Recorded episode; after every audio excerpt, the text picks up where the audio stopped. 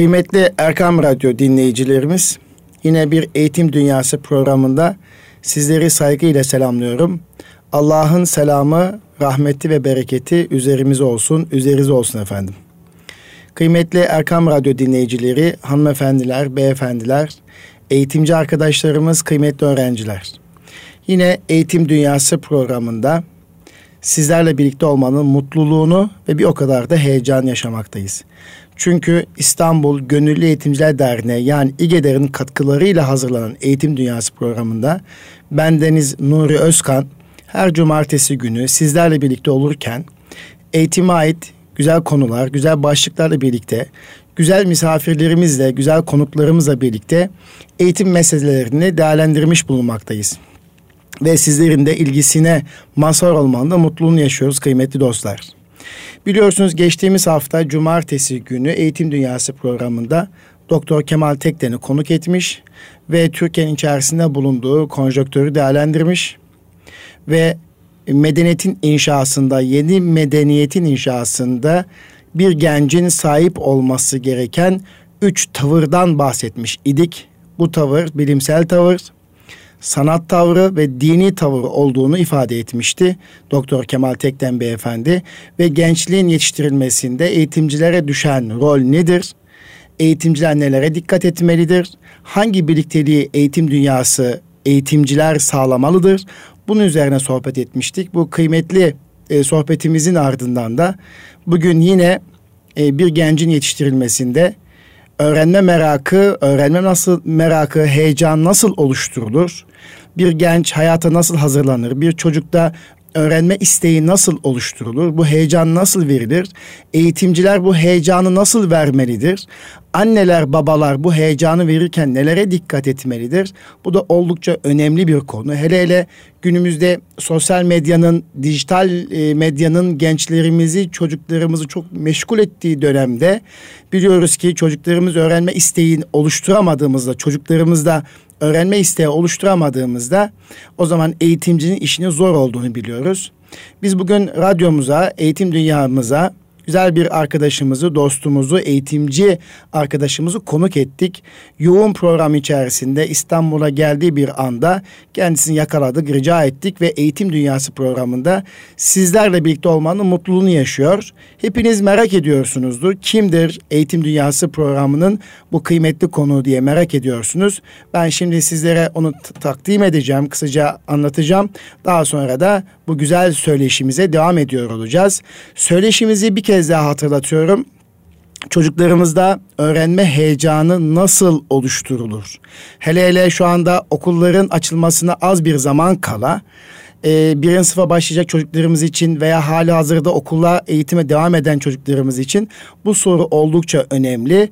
Öğrenme heyecanı oluşturduğumuz çocuklarımızı daha sonra araştıran, sorgulayan e, bir nesil haline nasıl getirebiliriz? Ve hatta belki konunun içerisinde zaman kalırsa bazı değerlerimizi öğrenme isteği ve heyecanı oluşmuş bir çocuğa nasıl verebiliriz? Hangi yöntem ve teknikleri kullanmalıyız? Belki sohbetimizin içerisinde zaman kalırsa bu soruları da soruyor olacağız kıymetli dostumuza.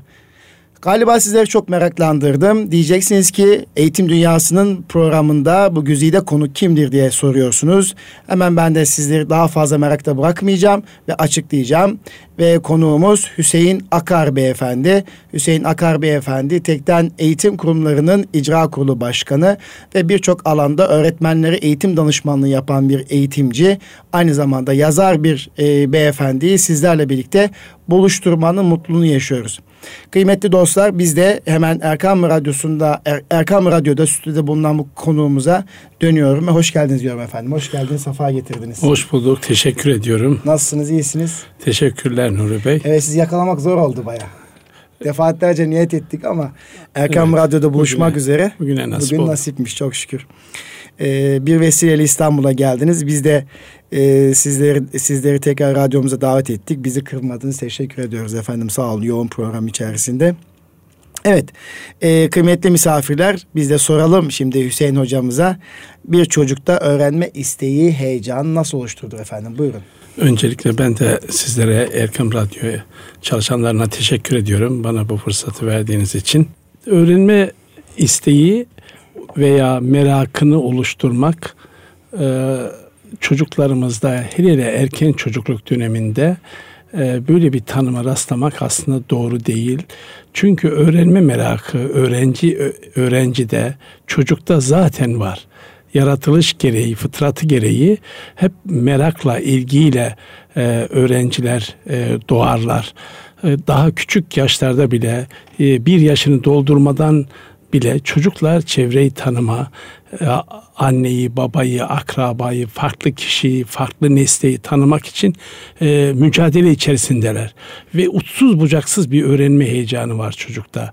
Ama bu öğrenme heyecanı ve öğrenme isteğini biz anne babalar ya da eğitimciler yavaş yavaş söndürürüz. Aslında alevlenmiş bir öğrenme aşkı vardır çocukta. Bize düşen görev çocuğun ilgi oluşturabileceği farklı yere, farklı mekana, farklı nesneyle buluşturma ve o, o yerin o yerde sorularına çok net, açık, önemseyerek cevap verme e, gereğini hissetmemiz lazım. Hatta bunu bu ortamları biz oluşturmamız gerekiyor. Çünkü çocuk da e, yaşanılır, hazırlanmış bir çevre içerisinde olması lazım. E, bu merak e, cevap verildikçe, etkili, etkin cevap verildikçe öğrenme aşkı, öğrenme heyecanı devam edecektir. Tabi e, bu çocuklar duysal kaşiflik dönemde oldukları için çocuk dokunarak öğrenecek, duyarak öğrenecek, görerek öğrenecek ve bunların hepsini zihinde birleştirecek ve e, kalıcı belleğe atacak. Zaman zaman yeri geldikçe de bu öğrendiği bilgileri kullanıma sunacak.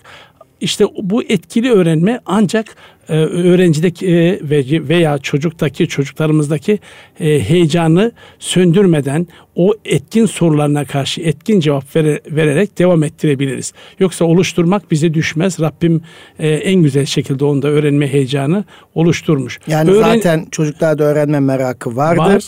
Var. bu heyecanı taşırlar öğretmenler yani eğitimciler veya aileler, anne babalar çocukların meraklarını söndürmesine yeter diyorsunuz. Yeter. E, çünkü öğrenmemek mucize aslında. Öğrenmemek mucize. Öğrenmemek mucize. E, sınıflarda da öyle. Öğrenci öğrenmek için yaratılmış, keşfetmek için, araştırmak için e, yaratılmış. An, ancak e, buradaki yanlış yaklaşımlar çocuktaki e, öğrenme merakını ya zayıflatıyor ya da söndürüyor. Ama bu sönmüş bir merak e, imkansız değil. Çok usta bir e, e, iyi bir e, ustanın eline düştüğü anda tekrar onlar e, o güç e, verilerek tekrar heyecan uyandırılabilir. O zaman e, çocuklarımızdaki öğrenme merakını, heyecanı ileriye taşıyabilmek için veya geriye gitmemesini engellemek için eğitimciler büyük iş düşüyor. Peki eğitimciler veya evde anne babalar erken çocukluk döneminde daha sonra e, okula başladığı zaman eğitimciler nelere dikkat etmelidir? Evet. Şimdi e, Nuri Bey e, çocuklar e, biliyorsunuz belli yaş aralıklarında belli dönemleri vardır. Ee, çocuk iki buçuk dört buçuk yaş arasında en çok soru sorduğu dönemdir. Evet. Bu iki buçuk dört buçuk yaşını iyi geçirmiş bir çocuk okulda e, üst düzey düşünme becerileri güçlenmiş ve e, muhakeme yapabiliyor, ilişki kurabilen bir çocuk olarak karşımıza çıkıyor. Ama okul çocuğun gözünde çok büyüktür. Öğretmen çocuğun gözünde çok büyüktür. Hele hele ailenin gözünde öğretmen çok büyükse ve eğitim birinci sırada yer alıyorsa, eğitim problemi ailelerde birinci sırada yer alıyorsa öğretmen ve okul ailenin gözünde büyük olduğu için çocuk da okul önemser, öğretmen önemser. Ama bu yüksek derecede önemseyerek gelen bir çocuk e, ilk gün hayalleri de yıkılabilir ya da güçlenebilir, daha da önem kazanabilir. O yüzden ben e, öğreticide bulunan öğrenme aşkı, öğrenme e, heyecanı aynı derecede hatta bunun birkaç katı fazla öğretmende de öğretme heyecanını taşıması lazım. Ö- öğretmen yani öğretmenin de öğretme heyecanı olması gerekiyor. Olması bir gerekiyor. O, o çok o öğretmenin çok şey bilmesi önemli değil. Uzanan ele hmm. tutma heyecanını ona uzanan bana yardımcı olabilir misin?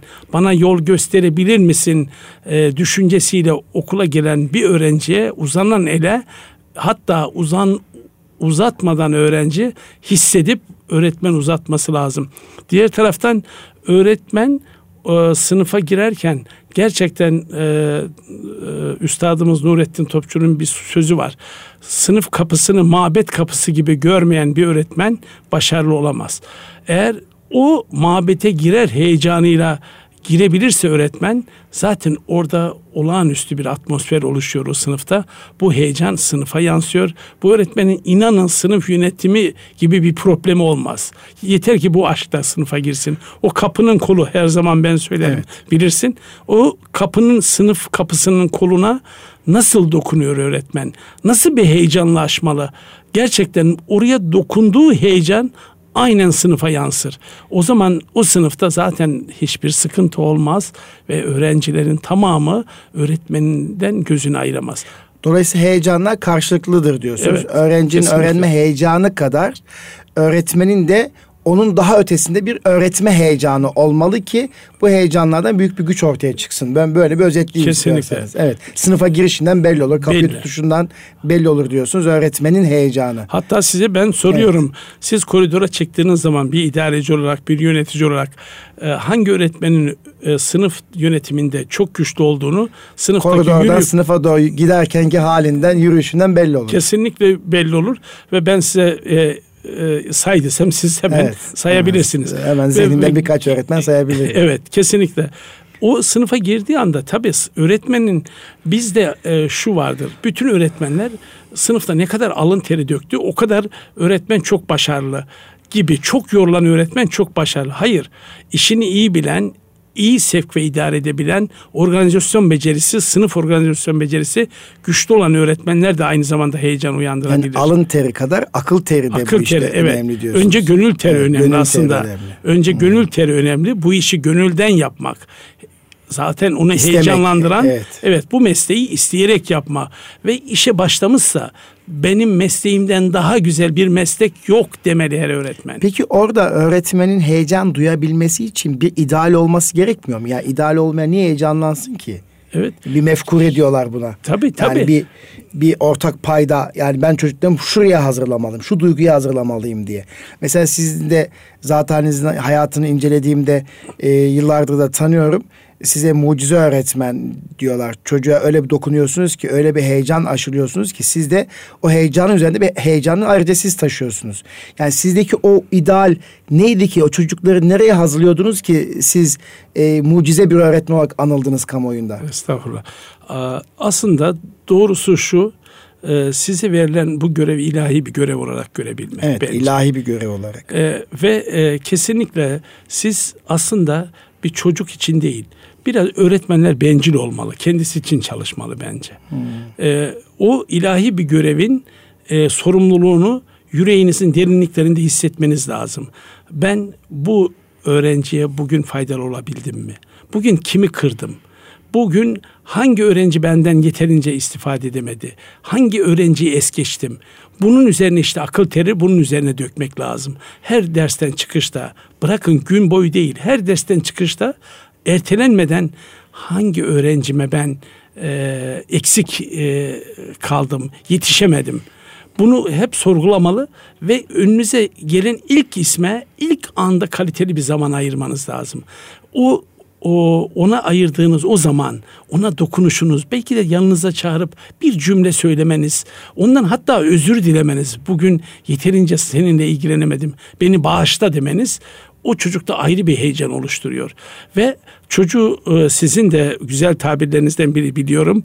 Öğrenme arkadaş olarak görmek, çocuğu birlikte öğrenmeye gitme. Hatta öğretmek değil, birlikte Bir, öğrenme, birlikte, öğrenmek, birlikte evet. öğrenmeyi oluşturabiliyorsanız, öğrenme arkadaş olarak görebiliyorsanız o heyecan bitmez. Sizde de bitmez, karşıda da bitmez. Aslında öğrenme arkadaşlığından yoğun bir dostluğa dönüştürüyorsunuz o öğrenme ortamını.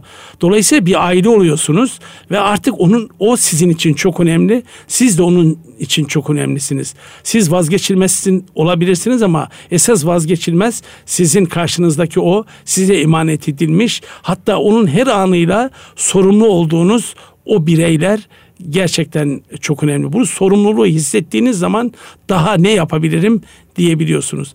İşte bunun karşılığı madden, parayla, pulla değil. Ama şunu da belirteyim hemen Nuri Bey.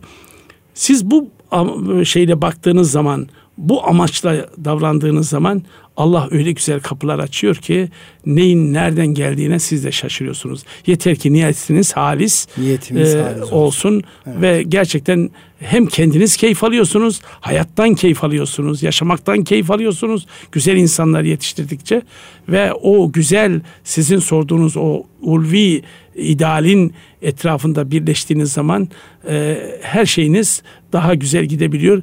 En güzeli o tuttuğunuz ellerden e, ve onların ailesinden büyük dualar alıyorsunuz. Bence en büyük e, güç bu.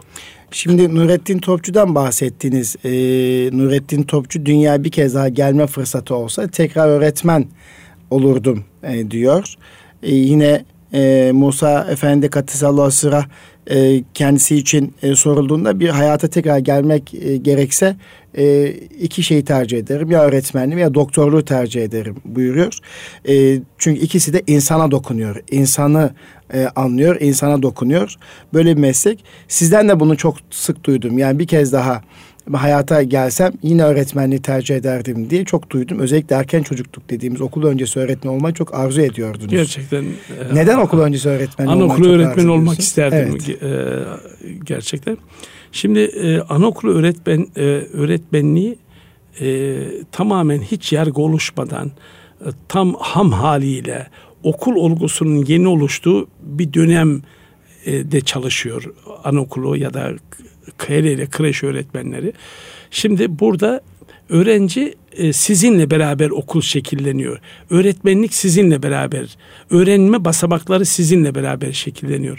O kadar e, öğrenme alanına açık, o kadar e, e, keşfetmek, öğrenme coşkusu o kadar yüksek olan bir dönem ki bu dönemde e, e eğer yaptığınız çalışmalar planlı, düzenli, adım adım onları bir üst kuruma yetiştirmekse bu e, ancak en etkili olduğunuz alan anaokul oluyor. Orada evet. mümkün oluyor. Birinci sınıfta veya ilkokulda da mümkün. Ama anaokulu kadar kolay ya değil. Tabii o yaş grubunda çocuklar öğrenmeye daha açlar. Her şeyi soruyorlar değil mi? Her tabii, şeyi dikkatli tabii, tabii. dinliyorlar. Öğretmeni ne derse onu hemen alıyorlar. Hemen hatta uygulamaya başlıyorlar. Davranışa dönüştürüyorlar. Eve gittiği zaman da öğretmenim şunu söyledi. Anne babanın söylediğinden çok öğretmenin ne demişse yapıyor çocuk. Tamamen sizin elinizde. O can tamamen sizin avucunuzda değil mi efendim? Tabii. Aslında o söylemedikleri de öğrendiği ama söylemediği de çok şey var. Evet. Olgular çok önemli. Oluşturulan olgular. Öğrenme çok büyük bir heyecan oluşturmalı. Keşfetmek, e, hayata tutunmak, kendi başına iş yapabilmek bunlar hep o dönemde verilen e, çalışmalar ve çocuk e, sizin okula karşı eğer okuldan uzaklaşıyorsa e, ve okulu e, gitme okula gitmek istemiyorsa ileri sınıflarda kesinlikle onu katleden bir anaokulu e, vardır diyebilirim. Bunu açık açıkça söyleyebilirim. Dolayısıyla çok önemli. Çok önemli. Öğretmen. Anaokulunda e, ileri sınıflara, ileri e, yaş gruplarındaki okullara onların şekillenmesi, okulun farklı bir yapıda olduğunu hissettirmek, okulun gerçekten hayatın tam bir parçası olduğunu ve heyecanlı bir parçası olduğunu hissettirip e, zihinle yerleştirmek anaokulunda ya da a, daha sonra sınıf öğretmenliğinde oluyor. de yine benzer ve, şekilde Evet aslında. tabii birinci sınıfta da e, oluyor. Siz hatırlarsınız e, birinci sınıfa belki anaokuluna gitmemişsinizdir. Çünkü bizim dönemde Biz, bizim dönemde yoktu. A, yoktu. Evet. Ama e, ilkokul önlüğünüz alındığı anda o önlüğü e, ertesi gün okula gideceğiniz zaman bunu sandalyeye askıya asıp veya sandalyenin üzerine bırakıp onu saatlerce seyredip sabah onu heyecanla giyip okula gittiğinizi bir düşünün. Bu ondaki olan okula karşı heyecan o çocuktaki bu bitmek bilmez. Ama sınıfa gittiği zaman, okula gittiği zaman onu karşılayan öğretmen bunun heyecanına denkleşebilecek mi? Karşılayabilecek mi? Ya da bu heyecanı artırabilecek bir coşkuya onu kucaklayacak o koca yürek nasıl bir yürek acaba? Evet. Ve bunu görebilirse ve bu sürekli e, okulda her gün yeni öğrenmeler, yeni öğrenme alanlar oluşturmak, yeni e, etkinliklerle bu hep pekiştirilirse onun için okul ayrı bir dünya. Çocuk için yaşanılması gereken bir yer. Bunu e, verdikten sonra başarısız çocuk yoktur aslında. Sadece e, hırpalanmış, duyguları hırpalanmış ya da düşüncesi hırpalanmış çocuklar vardır. Bence o çocukların öğrenemeyen ya da zor öğrenen, heyecanı bitmiş öğrencileri çok yakın e, takibe mi? Takibe almak lazım. Neden? Nerede bitmiş? Tıkanma nerede hmm. olmuş? Aile nasıl bakıyor? Bunu e, çözdükten sonra o çocukta da tekrar öğrenme e, heyecanı alevlenecektir. O zaman şöyle buraya kadar geldiğimiz yere kadar kısaca özetleyecek olursak öğrenme merakı, heyecanı olan çocuklarımız var. Zaten küçük yaştan itibaren Cenab-ı Hak fıtratlarına evet. bunu yerleştirmiş. E, yeter ki öğretmenler bu heyecanı söndürmesinler. Evet. Öğretmenler bu heyecanı e, artırabilirler. Bunun için de öğretmenler de bir heyecan taşımalılar. Onlar da öğrenme heyecan taşıyan çocuklar için öğretme heyecan taşımalılar. Bunun için koridorda yürüyüşünden, sınıfa girişinden, kapı kolunu, sınıfın kapı kolunu tutuşundan biz eğitimciler anlarız diyorsunuz. Ki bu da Nurettin Topçu'nun benzetmesini, ifadesini kullandınız. Bir öğretmen sınıfa mabet şuuruyla girerse o heyecan taşıyordur. Dolayısıyla çocuklarımızda bu heyecan söndürmek için öğretmen heyecan taşımalıdır. İkinci, üçüncü madde var mı devam edebileceğimiz? Evet. Şimdi e, tabii öğretmenin sınıftaki kullandığı teknikler, e, teknikler. E, öğrenme metotları Hı. bunlar çok önemli. Sınıfı bir sosyal, sosyal yapısını çok iyi tanıyıp sınıfta e, gruplar oluşturarak ve öğrenme sürecine çocuğu katarak e, katabilecek metotlar seçerse elbette çok daha etkili olur. Diğer taraftan aslında bundan bir önceki sınıfta kullanılan araç gereçler çok hmm. önemli. Mesela birinci sınıfta ana sınıfında normal o inceci kurşun kalemi kullandırmak o kadar tehlikeli, o kadar sakıncalı ki ama günümüzde bir bakıyoruz daha ilkokulda hatta kreşte öğrencilerine çok ince normal bizim bildiğimiz kurşun kalemi ya da o incelikteki kalemi vermek o gelişmemiş kaslara arasına sıkıştırıp ve bununla yazmasını çizmesini söylemek oldukça yanlış. Çünkü çocuk kas yapısı o kalemi tutmaya uygun değil. ve üstelik de e, siz düz bir çizgi aralığında bu çizgileri çizeceksiniz diye bir yönergeyi verdiğiniz zaman o çocuk e, bunun ne yapabilir ki? Sizler bizler e, bile bir satır düzgün bir çizgi çizdirmek oldukça yanlış. Oysa ki çocuğun dünyasında çok geniş aralıklarla büyük zeminlerde daha büyük figürler, daha büyük çizgiler çizme var onun dünyasında. O yüzden çok daha kalın kalemlerle ve büyük zeminler üzerinde çalıştırmak lazım. Dolayısıyla eğitimci öğrenme heyecanı taşıyan bir çocuk için seçeceği materyali de yaş grubuna uygun seçmelidir. Kesinlikle. Ben böyle anladım. Evet doğrudur. Ee, Erkam Radyo dinleyicilerimiz de adım adım takip edebilsin diye özetliyorum. Dolayısıyla eğitimci sadece heyecan taşıması yetmiyor. Çocuk için kullanacağı materyali, malzemeyi o yaş grubuna uygun seçebilmeli. Peki köyde yaşıyoruz efendim.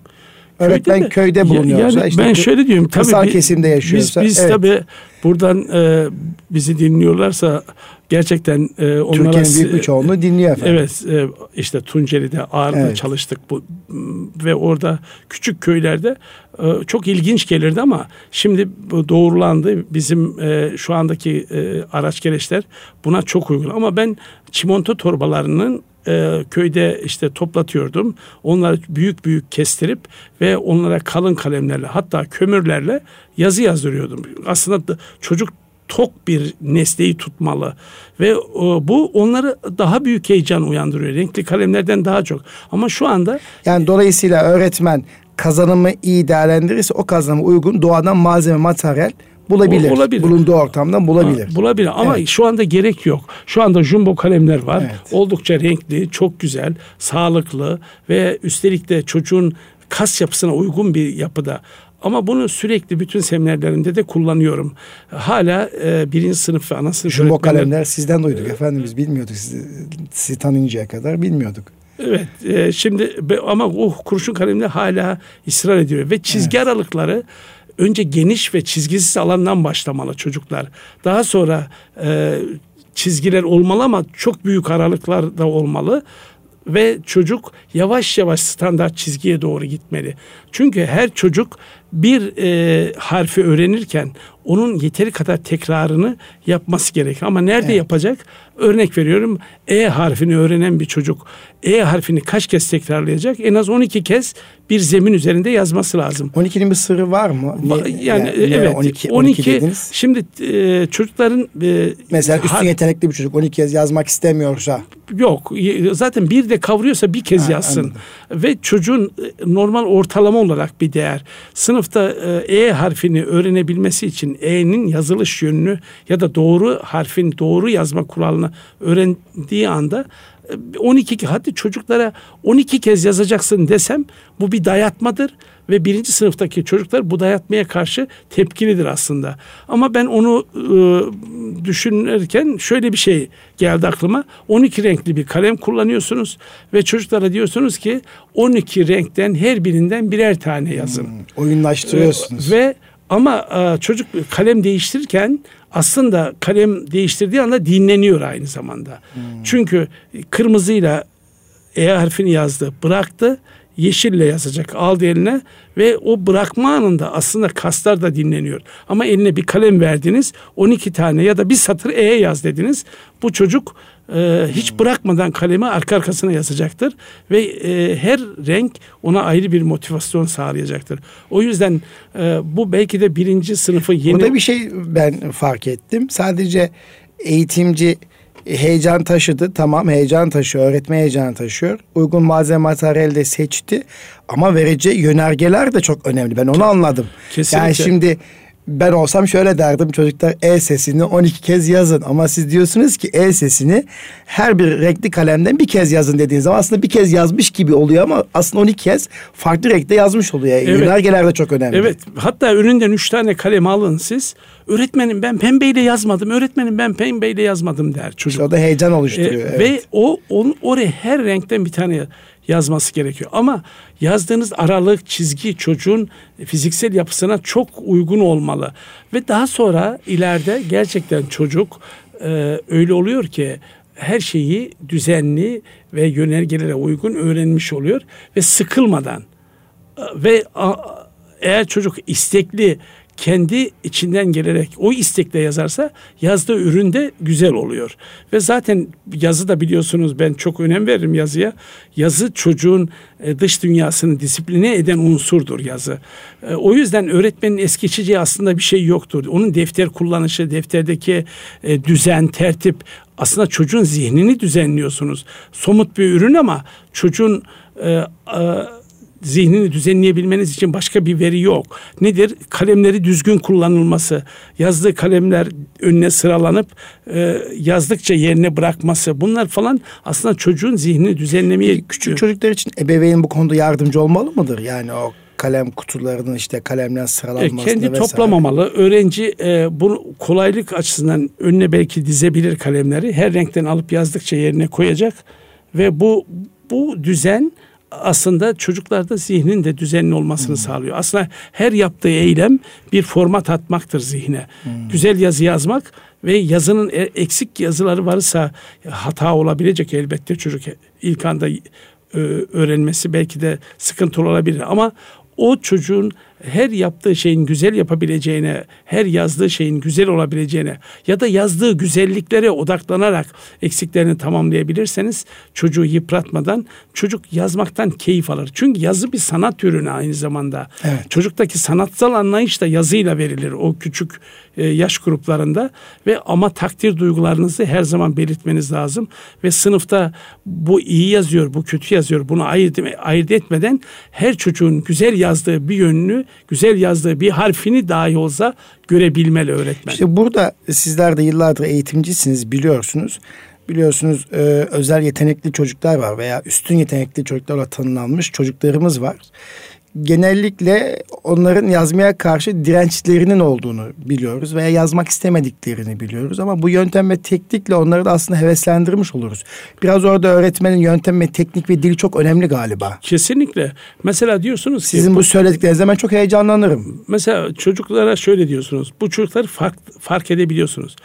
Çocuklara diyorsunuz ki eğer e, üç satır yazı yazdıracaksınız çocuğa zaten bir figür üçten fa- en fazla üç satır yazılmalı. Hmm. Ama şöyle bir ödül veriyorsunuz çocuğa.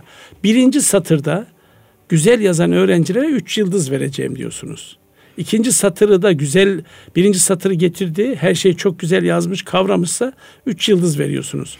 İkinci satırda güzel yazan yazarsa iki yıldız ama üçüncü satıra kalırsa yıldızınız bire düşüyor. Aslında çok yazması az yıldız alıyor. O yüzden çocuklar bir satır yazıp daha düzgün üç, yazmaya. Daha, evet. O yüzden yetenekli Bak, çocuklar taktik. İşte bu taktikleri eğitimcilere biz nasıl kazandık? Bak bunlar ciddi bir taktikler. Yani hani malzeme var, heyecan var, malzeme materyal tamam. Ama gerçekten biraz önce söylediğim üçüncü madde diyebileceğimiz kısım o ince taktikler buna teknik diyelim veya e, yönerge diyelim. E, bu dili öğretmenler nasıl kazanacak? Siz yıllardır öğretmen yetiştiren birisi olarak bunu nasıl biz fark ettireceğiz? Aslında çocuğu iyi tanıyıp onun yapısını iyi bilmeniz e, yetiyor. O zaman biz karşımızdaki bireyi birey gibi gör. Zaten birey de çocuk gibi görmeyeceğiz. O yetişkin olarak göreceğiz. Hatta e, bu hemen e, bu anıyı da anlatayım. Geçen bir yerde bir seminerde bir öğrencimle karşılaştık. E, ona arkadaşlar soruyor. Diyor ki öğretmeninizin en çok beğendiğiniz yönü nedir? Unutamadığınız. Beş yıl okuttuğum bir öğrenci. Unutamadığınız yön nedir? Ben de düşündüm ki işte onlara çok uğraştık. Cumartesi, pazar kurslar verdik. Bunu anlatacak sandım. Diyor ki öğretmenimiz e, öğretmen masasına otururken bile bizden müsaade alırdı. Bunu hiç unutmadım. Ve hatta arkadaşlarımla konuşurken onların da en çok etkilendiği cümle buymuş. Öğren arkadaşlar oturabilir miyim? Ders defterini imzalayacağım. Oturabilir miyim? Aslında burada bir değer çalışması da var biliyor musunuz? Yani hani biz değerler eğitimi diyoruz ya. E, sizden mi duymuştum? İbrahim Orhan Bey'den mi duymuştum? Çocuklara saygıyı sayarak, evet. sevgiyi severek, evet. değerli olduklarında değer vererek öğretiriz. Kesinlikle. Şimdi biz siz eğitimci olarak sizden yaşça çok çok çok çok küçük olan bir çocuğa e, ceketinizi çıkartırken veya e, sandalyenize otururken izin alıyorsanız oturabilir miyim diyorsanız aslında ona saygıyı ve saygının ne demek olduğunu veya değerli olduklarının nasıl bir şey olduğunu ifade etmiş oluyorsunuz. Evet. Bu yaklaşım hep sizi daha onları bir kez işte birey gibi görmek ben şu anda bu, Nuri Bey karşımda evet. nasıl Nuri Bey e, benim arkadaşım işte e, ve onun ona nasıl değer veriyorsam onu kırmamak için nasıl e, davranıyorsam veya eşimi ya da babamı ya da annemi nasıl görüyorsam o öğrenme arkadaşlarımı da öyle görmem gerekir. Bunu bu sorumluluğu hissettikçe Onların her cümlesi sizin için değerli. Sizin hmm. ağzınızdan çıkan da onlar için değerli. O yüzden ölçüp biçip konuşuyorsunuz. Belki burada bu kadar e, radyoda bile şu anda belki o kadar dikkat etmiyorum. Ama evet. orada elbette daha dikkat edilmeli. Hatta sınıfa girişiniz, nerede selam vereceksiniz, nerede onlarla göz göze geleceksiniz. Beden bunlar bunlar çok önemli. Tabii e, mutlaka o dertleriniz sınıfın dışında bir yere bırakılıp gelmeli elbette. O o heyecan her sınıfa girişiniz size o e, yeni bir heyecanla girerseniz onlar da size her gün yeni bir aşk, yeni bir heyecanla karşılaş, karşılıyor. Tabii sohbet çok keyifli gidiyor. Ama Erkam Radyo dinleyicilerimize hatırlatmak istiyorum. Neyi konuşuyoruz diye radyosunu yeni açmış hanımefendiler, beyefendiler için. Kıymetli Erkam Radyo dinleyicilerimiz biz İstanbul'da Erkam Radyo'da sizlerin karşısında eğitimci yazar Hüseyin Akar'la birlikte çocuklarımızdaki öğrenme merakı veya heyecanı nasıl oluşturulur? Bu konuyu konuşuyoruz. Şu anda yaklaşık 20 dakikadır bu konu üzerinde ince detayları alıyoruz. Belki radyomuzu yeni açmış olan hanımefendiler, beyefendiler, hatta eğitimcilerimiz ve belki çocuklarımız merak ediyorlardır şu ana kadar neleri konuştuk diye. Özetleyecek olursak bir öğrenme merakı her çocukta vardır. Bu heyecan Allah'ın çocuklara verdiği bir duygudur. Yeter ki eğitimciler veya aileler, anne babalar çocuklarımızdaki bir öğrenme heyecanı, merakını söndürmesinler. Birinci madde bu. Bize sorduk. Dedik ki öğretmen bu heyecanı nasıl söndürmemeli veya nelere dikkat etmelidir dedik.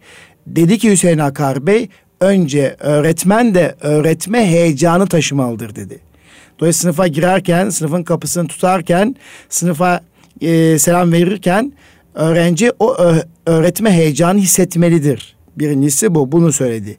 İkincisi dedi ki çocukların yaş grubuna uygun, kazanımlara uygun sınıfa getireceğim malzeme, materyalin önemine dikkat çekti. Bu materyal günümüzdeki e, modern materyaller olabileceği gibi bulunduğumuz köyde, kırsal kesimlerde bile yeter ki öğretmen öğretme heyecanı taşısın. Her türlü malzeme, materyali uygun bir şekilde bulabilir. İşte buradan yazmaktan örnek verdi. İşte jumbo kalemlerden ör, örnek verdi veya kırsal kesimde bunun için çimento kağıtlarını yaymak, onu işte e, kömürle bile yazabilmek yeter ki tok olsun dedi. Özellikle kas gelişimi açısından bunu önemsedi. Üçüncüsü ben ilave ettim. Belki de kendisi katıldı. Öğretmenin çocuklara vereceği yönergeler de e, uygun olmalıdır ve çocuğun yazma isteğini veya okuma isteğini veya öğrenme isteğini artıracak, merakını artıracak yönergeler sırrından bahsetti. Birkaç da örnek verdi ve bu tatlı sohbetimiz devam ediyor efendim. Yine sorumuzu tekrar soruyoruz. Üç tane kriteri saydık. Efendim devam ediyoruz. Evet. Öğretmenin e, bu çocukların heyecanı söndürmemesi için üç kriterden evet. bahsettik. Devam edelim. Başka neler var? Şimdi e, bir başkası Nuri Bey çocukları öğretme sürecinin içerisine katabilecek organizasyonlar yapmalı. Sadece öğreten öğretmen değil ve çocuklar da kendi kendine öğrenebilir ve birbirlerine öğretebilir. Bu yüzden bunu sağlayabilecek metotları da kullanmalı. Bunun için e, en uygun olan çocuğun bireysel varlığını hissettirebilecek aktif öğrenme metotlarını kullanmalı. Bütün metotların yanında en etkin olarak kullanabileceği yöntemlerden biri de aktif öğrenme metotlarını kullanmalı. Bir başkası da e, çocuklara e, öğretmen açık zihinle yaklaşmalı. Yani e, sınıfta belki de çok iyi öğrenenler var ve normal öğrenenler var. Zor öğrenenler de olabilir. Ama zor öğrenen öğrenciye baktığı anda bu öğrenemez diyebiliyorsa bu öğretmen öğrenciye karşı kendisini kapatmıştır.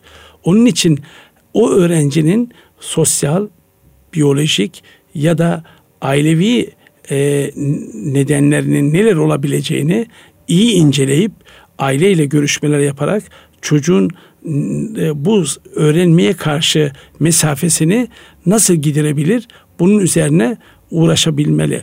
Çünkü eğer böyle öğretmen arkadaşlar hatırlarlar bizi dinleyerler. İlk sınıfa geldiğinde gerçekten zor öğrenen bir de iki de ben de kendim de öyleyim. Benim beşinci sınıfta farklı bir öğretmenimin sayesinde e, ben hayata tutunabildim. Belki de öğretmen olmamın en büyük e, nedenlerinden biri de o şu anda saygıyla andığım ve gerçekten bizleri dinliyorsa onun ellerini değil ayaklarını öp, öpmek istediğim o ilkokul öğretmenimin çok büyük katkısı var. Sadece 5. sınıfta 4'e kadar hiçbir varlık göstermeyen bir öğrenci 5. sınıfta farklı bir öğretmene geldiğinde ve tutunabiliyor. Hatta belki sınıfın en iyi öğrencisi olabiliyor. O yüzden o öğrenciye karşı açık zihinli olabilirse bir öğretmen kesinlikle ondaki öğrenme heyecanını yeniden depreştirebilir. Peki e, çocuk sınıfta bazı istenmedik davranışta bulunur. İşte arkadaşlarını üzebilir, eğitimci üzebilir. Ee, ama bütün buna rağmen öğretmenin açık zihinle davranmasını biraz daha açar mısınız? Yani ben oradan şunu anladım. Asla olumsuz etiketlememeli. Kesinlikle. Her zaman iyi tarafını görebilmeli. Ama yıllardır biz de bu işin içerisindeyiz. Etrafımızda eğitimciler var. Ee, bizler de bu işin içerisindeyiz. Bunun mümkün olabilmesi için eğitimciler hangi özelliklerini geliştirmeliler? Yani hangi e, duygusu gelişmeli? Ne yapmalıyız Önce orada? sabır. Sabır. Önce sabır. Ee, gerçekten sınıftan e, sınıfa girdiğiniz zaman e, öğrencinin o davra, yaptığı davranıştan çok o davranışa iten nedenlere odaklanmanız lazım. Hatta şunu söyleyeyim Nuri Bey. Sınıfa girmeden bir öğretmen bu sınıfta farklı derecede öğrenen çocuklar var veya bugün beni dinlemeyecek öğrenciler de olabilir. Dersi kaynatmak isteyen öğrenciler de olabilir. Beni zor duruma düşürebilecek öğrenciler de olabilecek. Bunun üzerine kafa yoracak ve bu hazırlıkla girecek. O yüzden gerilmez. Ama sınıfta herkesin çiçek olmasını beklerse o zaman e, bu öğretmen sınıfa girdiği anda çiçek olmayan her öğrenci onu gelecek. Aslında bu doğal bir ortam. 45 dakika veya 40 dakika sizi dinleyen e, öğrenciler var karşınızda. Ama onların motivasyonu e, de, devam edecek mi? Veya ne kadar sürebilecek? Farklı yapıda, farklı çocukların olabildiğini hesaba kattığı anda o kıpırdanmalarda e, zaman zaman dersin akışını değiştirip ve çocukla e, o kendinden kopan, kıpırdayan, kıpırdamaya yüz tutmuş o çocukları tekrar sınıfa e, katabilir. Bu aslında öğretmenin kopuşundan öğrenci e, kopuyor. Orada şöyle bir soru aklıma geldi. Evet öğretmen sabırlı olmalıdır. Çünkü her bir çocuk farklıdır. Her bir çocuk özeldir. E, kimileri kıpır kıpırdır, hareketlidir. Kimileri hızlı öğrenir, kimileri yavaş öğrenir. Bir sınıf ortamında e, homojen değil, heterojendir. Öğrenme bakımından heterojenlik söz konusudur. Öğretmen sabırlı davranmalıdır. Lakin anne babalar ebeveynler, o sınıfı oluşturan çocukların e, anneleri, babaları e, sınıfta öğrenmeyi engelleyen çocuklar için sabırsız davranıp öğretmeni baskılandırıyorlar. Bu da öğretmeni geriyor, strese sokuyor. Bu konuda öğretmen neler yapmalıdır? Nasıl ki sizler yıllardır sınıfınızda ben bu tip öğrencilerin olduğunu biliyorum, duyuyorum, e, farkındayım. Siz bunları nasıl tolere ediyordunuz? Ne evet. yapıyordunuz? Şimdi tabii öğretmenin e, alan e, alana hakimiyeti ve duruşu çok önemli. Bir kez veli e, her çocuğa adil yaklaştığınızı ve her çocuğu kayıtsız şartsız her şeye rağmen sevdiğinizi ilk daha veli toplantılarda hissettirmeniz lazım. Ve bu konuda e, oluşabilecek güven sizin alanınıza karışmamayı sağlayabiliyor. O yüzden e, öğretmenin e, kesinlikle o duruşu, veli toplantısındaki duruşu, sınıftaki duruşu net olmalı. Kuralları net olmalı. Ee, hem veli karşısındaki kuralları hem de öğretmen karşısındaki kuralları net olmalı. Öğrenci karşısındaki. O yüzden e, biz e, sınıfımda sıkıntılar olabilecek. Aile içinde sıkıntılar olduğu gibi sınıfta bir aile orada da sıkıntılar olabilecek. Bunlar bunlar çözmek birlikte olacak. Ama burada eğer veli acımasız olursa e, kendi çocuğunun öyle bir durumda düştüğü zaman nasıl ki e, acımasız olmuyor hatta ne gerekiyorsa onu yapıyorsa bu veliye bu çocuklar da bizim çocuklarımız olduğu baştan anlatılmalı. Hatta ben birkaç veliyi bu konuda test ederim zaman zaman. Şimdi e, böyle e, işte sınıfta e, devlet okulunda çalışırken beslenme getirir çocuklar. Ben de velilere birlikte e, yardımcı olalım, bana yardımcı olun diye e, her beslenmede bir veliyi sınıfa çağırıyorum ve ama gelen veliye bakıyorum. Acaba e, ilk e, soyduğu portakalı kime verecek? Kendi çocuğuna mı verecek? Ya da kimin yanına gidecek? Daha çok kendi çocuğuyla mı ilgilenecek? Bunlar falan çok önemli. O birliktelik ben yok biz varız nereden başladın ve e, ben öyle veliler görüyorum ki gerçekten en sona kendi çocuğunu bırakıyor.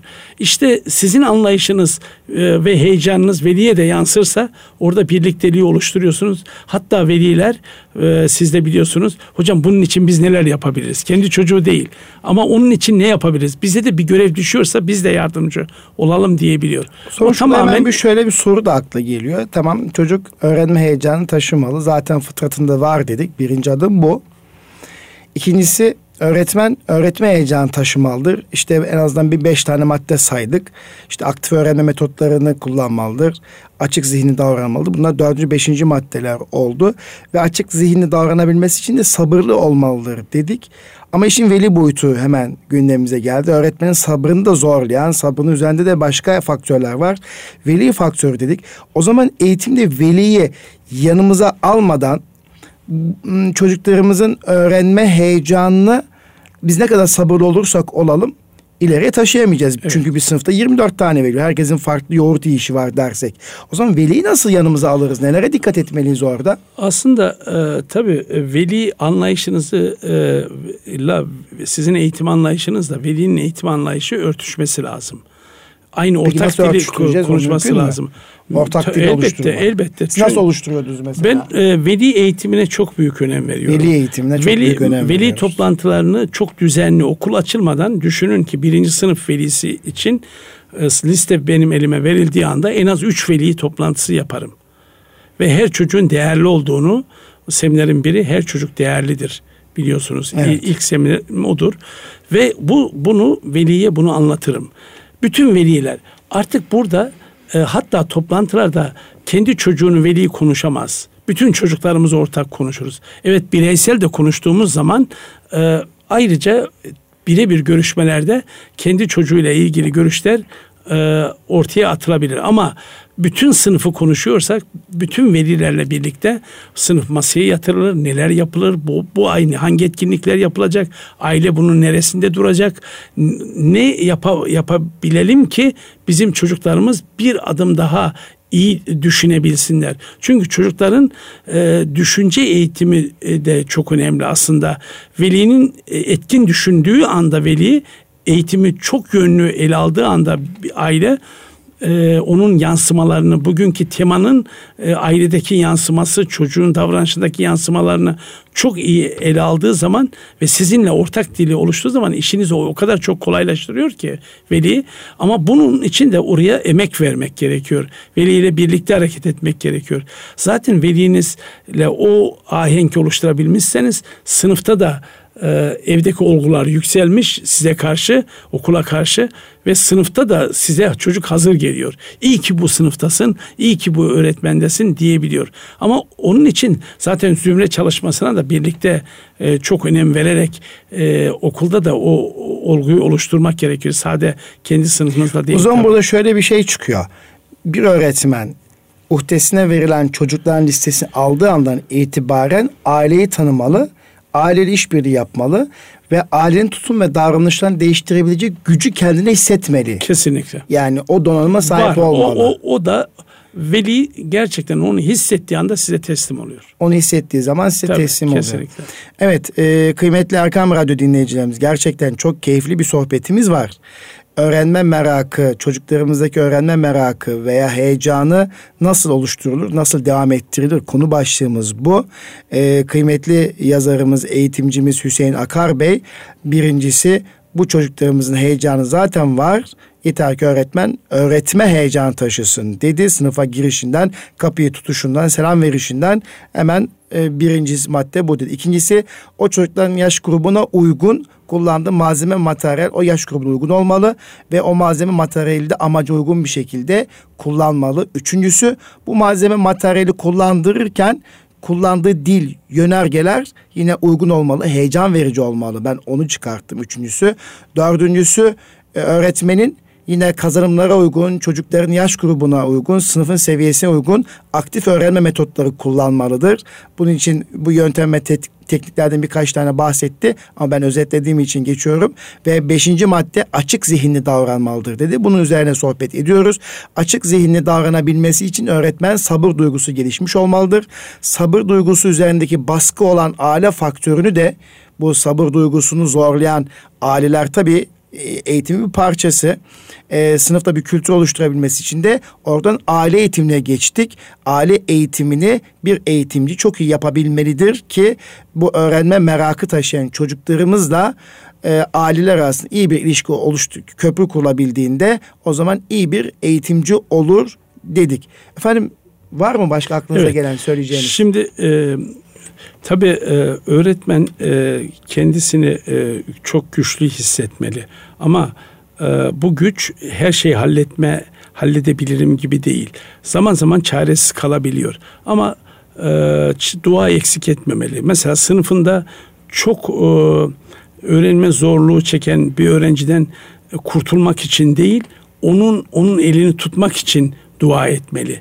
O, mesela ben e, gerçekten her zaman şuna diyor Allah'ım beni bana ihtiyacı olan birini bana gönder. Hmm. Sınıfımda bana ihtiyacı ihtiyaç duyabilecek biri olsun. Hep başarılı olsun diye değil.